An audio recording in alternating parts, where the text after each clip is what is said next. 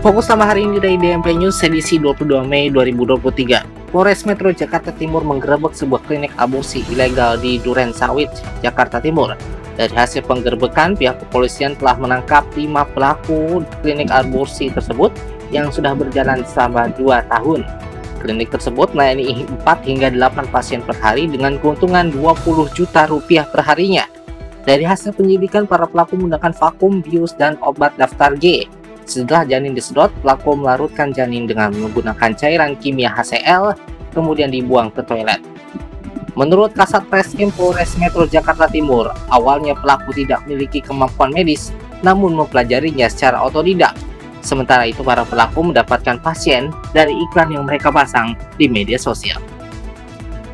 Wali Kota Solo Gibran Raka Buming Raka dipanggil DPP PDI Perjuangan untuk menghadap pada Senin 22 Mei hari ini Pemanggilan ini merupakan buntut dari pertemunya dirinya dengan Ketua Umum Partai Gerindra Prabowo Subianto. Saat itu sejumlah relawan Jokowi Jawa Tengah dan Jawa Timur mendeklarasikan untuk mendukung Prabowo Subianto di pemilihan presiden 2024 mendatang. Gibran dipanggil secara ditelepon secara langsung oleh Sekjen PDI Perjuangan Hasto Kristianto pada Sabtu 20 Mei pagi ini. Gibran juga menjelaskan siap bila harus mendapatkan sanksi DP, DPP PDIP terkait adanya relawan Jokowi Jateng dan Jatim yang mendeklarasikan dukungan kepada Prabowo. Politikus senior PDIP Idan Samawi menyebut sejumlah nama yang berpotensi menjadi bakal calon wakil presiden dari Ganjar Pranowo. Hal itu disampaikan Idam dalam acara kenduri masyarakat Jogja yang digelar di pelataran Monumen Serangan Umum 1 Maret Yogyakarta pada Sabtu, Sabtu 20 Mei lalu. Ida menyebut nama Menko Polhukam Mahfud MD, mantan Panglima TNI Andika Perkasa, hingga Imam Besar Masjid Istiqlal Nasaruddin Umar.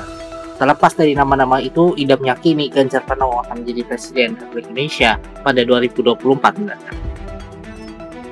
Manchester City dipastikan akan mendapatkan gelar juara Liga Inggris musim ini setelah menelan kemenangan 1-0 melawan Arsenal di kandang Nottingham Forest dan membuat Manchester City tidak perlu poin dari partai 36 melawan Chelsea untuk memastikan gelar juara Premier League atau Liga Inggris musim ini.